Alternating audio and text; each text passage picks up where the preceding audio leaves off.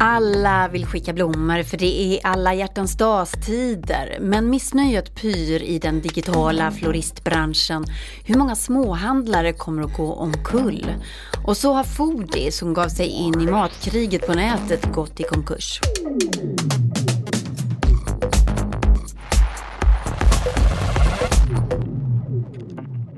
Hej, Katarina Andersson heter jag och det här är Breakits podcast. Och det här blir en podd om ilska, bubblande missnöje och en sorglig konkurs i det nya näringslivet. Men först, här är våra kortnyheter.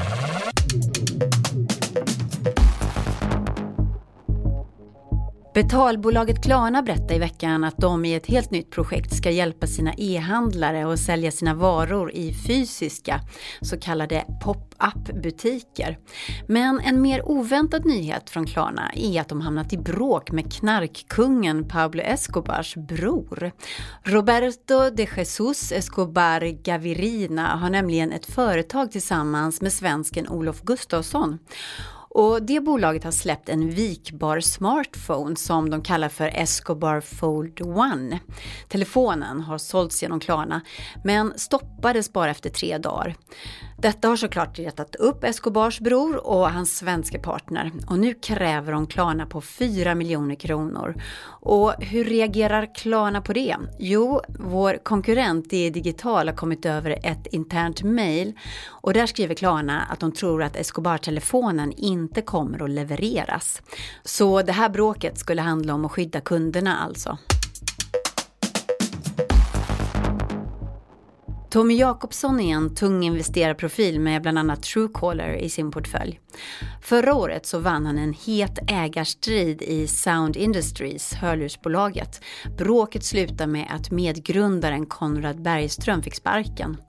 Och nu så står det klart att Tommy Jakobsson är inblandad i ännu ett ägarbråk. Den här gången så kretsar dramat kring hans egna riskkapitalbolag Zenit.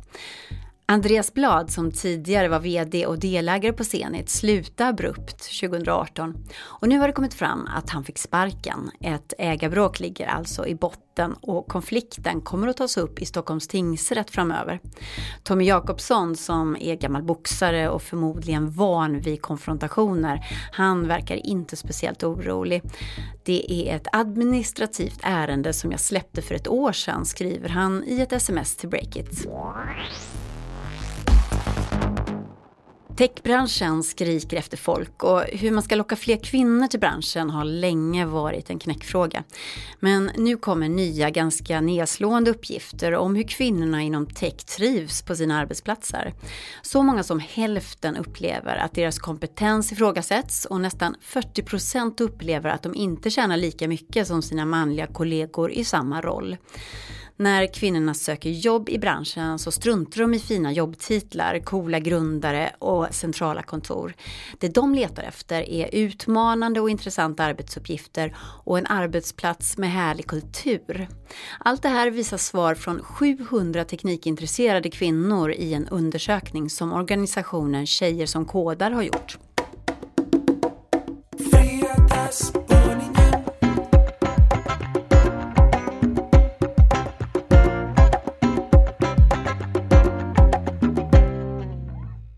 Om du lyssnar på det här när podden publiceras så är det fredagen den 14 februari. Det är alla hjärtans dag och då skickas det blommor för fullt över hela Sverige. Blommor som kanske man köper på nätet.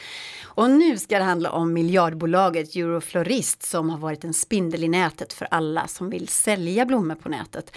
Men nu så pressar bolaget priserna och floristerna som säljer genom sajten de känner sig överkörda och är sura. Johanna Ekström har grottat ner sig i den här storyn om blommor så här på alla hjärtans dag. Välkommen hit! Tack! Du, varför är blomsterbranschen intressant för Breakit? Vill jag börja med att fråga.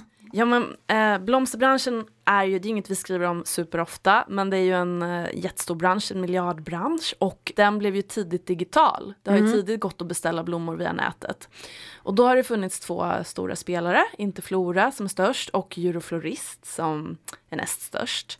Eh, och det bolaget som jag har kikat lite på nu då är Euroflorist och där finns det ju en rad liksom, tech-kopplingar. Hur då menar du? Till exempel så i styrelsen så sitter till exempel Mattias Miksche som är grundare Stardoll och en här, känd person i techvärlden och eh, Jesper Kärrbrink, tidigare vd på Eniro och Svenska Spel, numera på Mr Green. Han har, eh, han har varit vd i många år på bolaget och det liksom finns många kopplingar till bolag i vår värld där. Och sen är det ju faktiskt en digital tjänst. Mm.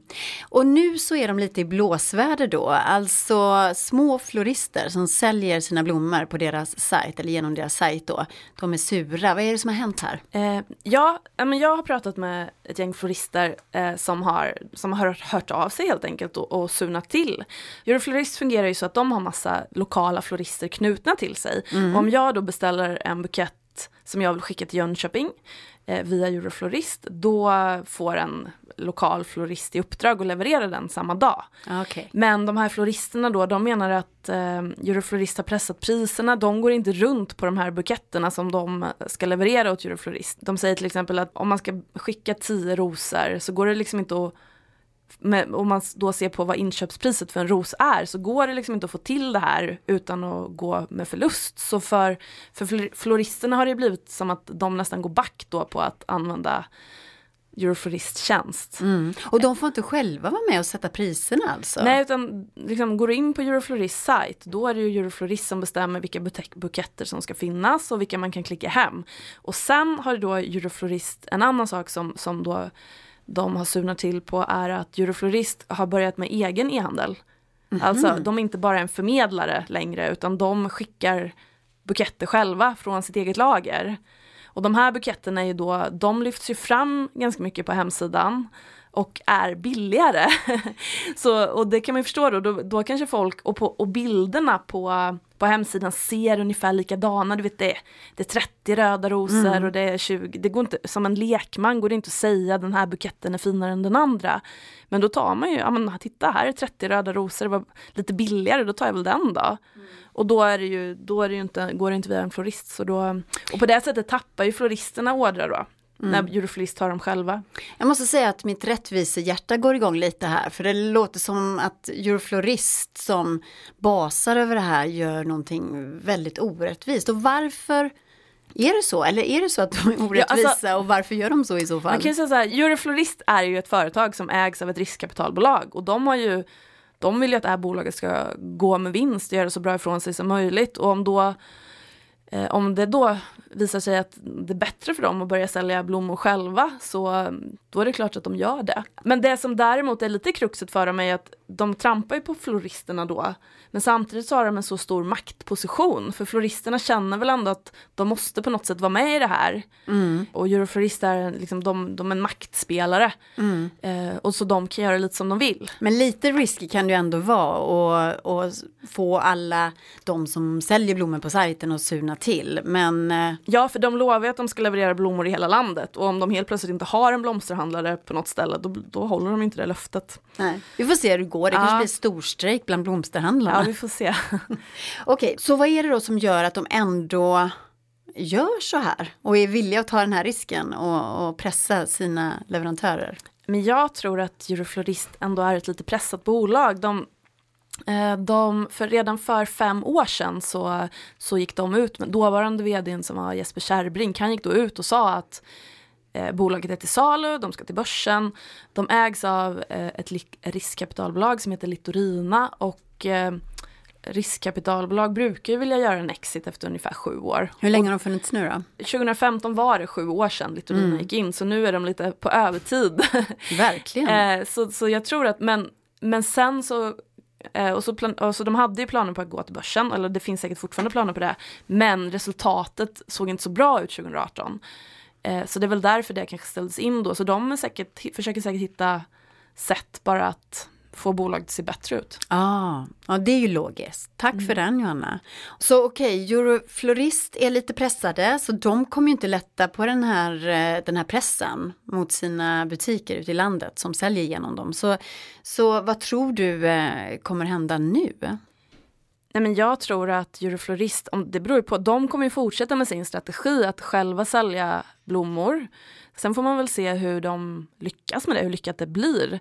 Jag menar i och med att folk köper, beställer mer på nätet, även blommor, man, man köper blommor och skickar på nätet, så kommer ju, om då Euroflorist själva tar de orderna, då kan det ju i längden få följden att, att, att vi får se liksom att även florister drabbas av butiksdöden. Men just nu i alla hjärtans tider så, så kanske det går ganska bra för de här floristerna. Har du eh, skickat några blommor själv?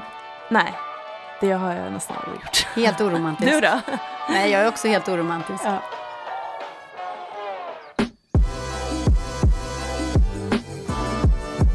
I veckan så har vi rapporterat om startupen Foodie som gav sig in i matkriget på nätet. Men kampen mot jättarna blev för hård och bolaget gick i konkurs. Vad var det som hände egentligen och varför är det så svårt att lyckas med mat på nätet? Breakits e-handelsexpert Caroline Englund kommer strax hit och berätta mer. Sådär, Karin har kommit in i studion, vår impactchef. Hej på dig! Hej! Du har en stor nyhet att berätta. Ja, vi lanserar någonting superspännande just nu. Eh, ett exklusivt klimatnätverk, eh, Break It Impact Club. Jaha, mm. hör detta på något sätt ihop med Break It Impact Challenge då, gissar jag? Mm, det hör ihop, men det är någonting helt annat. Vad är det då? Eh, det är det är en utveckling på Break It Impact Challenge. Break It Impact Challenge är våran 30 dagars digitala bootcamp som vi lanserade förra året. Mm. Som vi kör en ny eh, omgång av i vår. Eh, man kan redan nu skriva upp sig på en intresseanmälan. Men det vi märker är att det är väldigt många företag som har ett väldigt stort engagemang och som vill ta det till nästa nivå efter man har gått Impact Challenge. Man vill hålla uppe engagemanget internt hos sina medarbetare. Eh, och man kanske har någon medarbetare som är lite extra engagerad Eh, och den personen eh, kanske man vill eh, ska få ännu mer inspiration och ännu mer information och hålla sig eh, verkligen uppdaterad. Och då har du satt ihop ett sånt forum där man kan få den inspirationen, eller varför gör du ja, det här? Inte bara jag, utan vi på Breakit har satt ihop då det här nätverket som vi kallar för Breakit Impact Club. Eh, och där så är det så att eh, medlemmarna kommer få sex stycken events, minst sex events, minst eh, under 2020. Eh, där det är riktigt starka företagsprofiler som kommer att inspirationsföreläsa, bli intervjuade. Vi har också tre riktigt handfasta workshops med eh, såväl klimataktivister som hållbarhetsexperter som till exempel Ethos International. Eh, vi kommer också erbjuda medlemmar i nätverket ett månatligt nyhetsbrev där man får uppdaterad information om det senaste inom ekologisk hållbarhet, eh, relevant för företag. Eh, Gud, ni har verkligen legat i. Ja, nej men det här är, det här är verkligen, eh, vi brinner jättemycket för det här. Och medlemmarna kommer verkligen att känna att de får, de får ut någonting av att vara med i det här nätverket.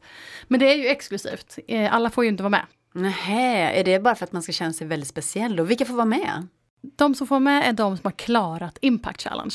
Mm. Eh, och vi har gjort det så för att vi bollat mycket fram och tillbaka kring det här men vi kom fram till att vi, vi vill ändå att de som går med i det här de ska ha en viss, eh, vissa förkunskaper, man ska ha kommit en liten bit eh, i sin kunskap om hållbarhet. Eh, och man ska ha ett upparbetat och genuint engagemang. Eh, vi vill att de som är med, de kommer på, på våra events, de, de är med och skapar de här samtalen som vi vill ska hända. Eh, och kanske till och med samarbeten som vi hoppas det här kan ge. Ehm, sen så är ju Impact Challenge öppet för alla. Där kan man gå igen om man vill, det kommer bli bättre än någonsin i vår. Eh, och har man inte än börjat så är det ju där man börjar. Du är så vansinnigt härligt entusiastisk tycker jag. Ja, men... tack så jättemycket för att du kom hit och berättade. Ja, men tack för att jag fick.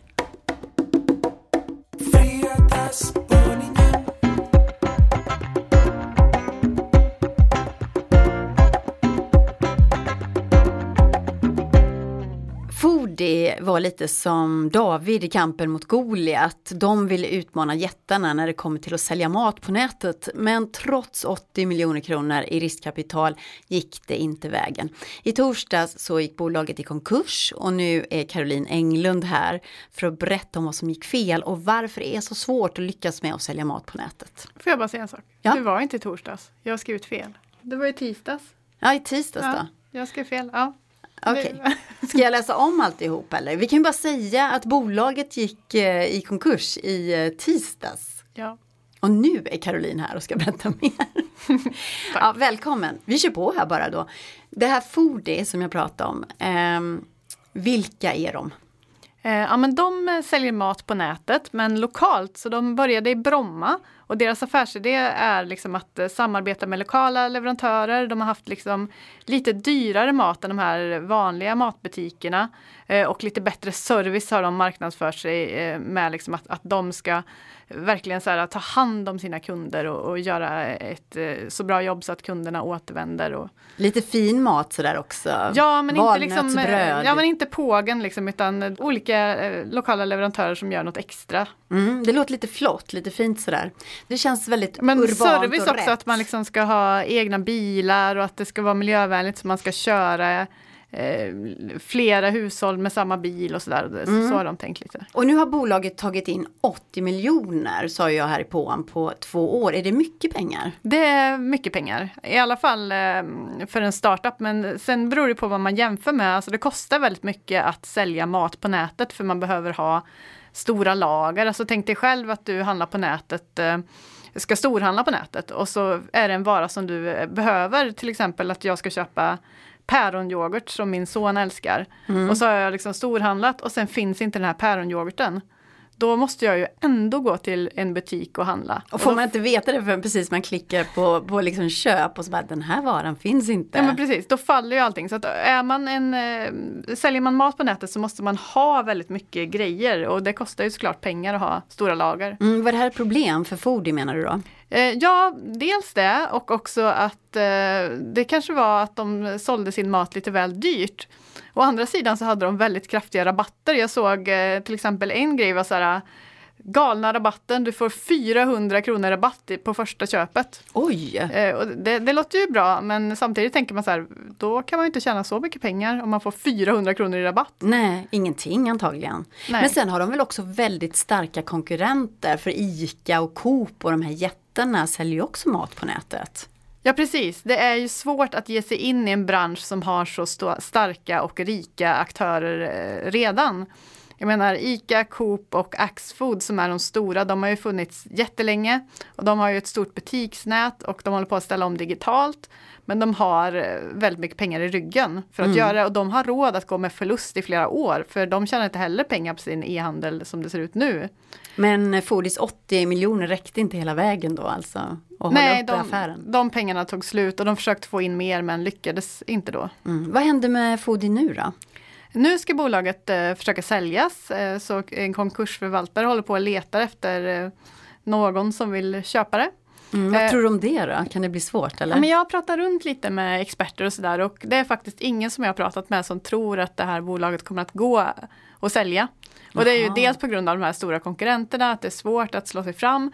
Eh, och eh, kanske lite med priserna och sådär. Men eh, men, men eh, däremot så finns det kanske delar av företaget som går att sälja som kundregistret och självklart all mat som de har eh, kan de ju sälja av. Mm. Men jag tänker så här, det är ju ändå på något sätt hett att handla mat på nätet om man ser mediabilden av det, tänker jag. Och, och det är också hett och, och handla lokalt, alla vill det. Men är det här ett tecken på att det faktiskt inte fungerar riktigt i, i verkligheten? Ja, alltså hur, hur mycket tror du vi handlar på nätet? Hur, hur stor andel av den totala nätshoppingen tror du är mat? Um, jag tror att det kanske är 10 procent. Två. Två? Två procent. Oj. Så att vi handlar inte så mycket mat på nätet. Nej. Och jämför man Sverige med andra länder så är vi väldigt efter. Liksom. Och eh, om man ser till de här stora, liksom ICA och Coop och Axfood, av deras totala omsättning, de omsätter ju jättemycket pengar. Då är det bara några få procent, alltså två procent kanske, av hela deras omsättning som är näthandel. Men det här är ju spännande. Vad tror du eh, skiljer ut oss svenskar då om andra folk så att säga handla mer mat på nätet. Att vi, inte, att vi gillar att gå i ICAs korridorer. Och... Vi älskar att dra kundvagnen, jag vet inte men, men det kan ju vara så här att eh, eh, ja, men det som många säger är att vår marknad har inte riktigt eh, mognat än när det kommer till mat på nätet. Men det, och alla säger så här, snart kommer det, snart kommer det. Och jag har väntat på det här i flera år men det har inte kommit än. Men eh, däremot så ökar det ju hela tiden successivt men från väldigt låga nivåer. Eh, och man kan ju tänka sig att det fortsätter öka men att det här tar tid helt enkelt för oss att ställa om och att eh, det måste också vara väldigt smidigt som jag sa förut att alla varor måste finnas och eh, man måste kunna leverera det snabbt och man ska inte sitta hemma och vänta på en leverans. Så det, det är mycket som ska funka för att man ska eh, handla på nätet. Mm. Så framtiden den, den är lite vag då kan man säga, eller? Om du liksom är sugen på att starta ett företag som ska sälja mat på nätet så skulle jag säga gör inte det. För det finns redan så himla starka aktörer och eh, ehm, då kanske det är bättre att satsa på någon alternativ tjänst. Alltså det finns ju till exempel Karma som jobbar med det här eh, med att man kan köpa mat som håller på att gå ut. Och, och sen finns det det här Matsmart som också jobbar med liksom att ta vara på den maten som, som säljs. Att, att man har liksom en liten Nisch twist där. på Mm. affärsidén. Mm. Och en annan sak som jag har sett är ju att det här som kom till Sverige ganska tidigt med matkassar, Linas matkassa, att man köper hem liksom färdigplanerade måltider. Det slog ju ganska stort i Sverige. Vi började göra, eh, köpa matkassar tidigt. Mm. Eh, Men det verkar ju vara liksom på väg ut nu. De bolagen går inget bra. Eh, Och så det, jag tror ändå att vi vill liksom bestämma själva vad vi ska köpa. En fråga till bara. Ser vi någon av de här jättarna som tar över allt så att säga? Eller skulle Amazon kunna komma in och ta över matmarknaden i Sverige tror du? Mm, alltså de här jättarna jobbar ju stenhårt för det är ju ett krig här. Vem kommer vinna kunderna? Eh, och eh, man ser ju det i robotlager som de satsar på.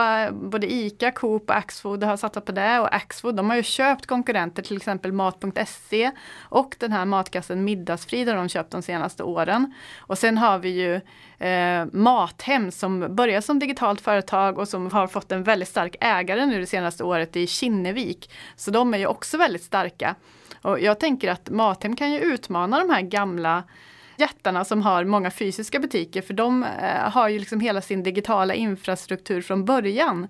Eh, och då kan det vara lite svårt kanske för de här eh, jättarna att ställa om ungefär som det är inom annan e-handel. Liksom att de som börjar som e-handlare eh, har lättare att växa och förstå marknaden än de som ska ställa om från fysiskt till digitalt. Just det. Tusen tack för all kunskap om den digitala matmarknaden. Så här mycket har jag inte lärt mig sedan jag konfirmerade mig. Tack! Ja, tack!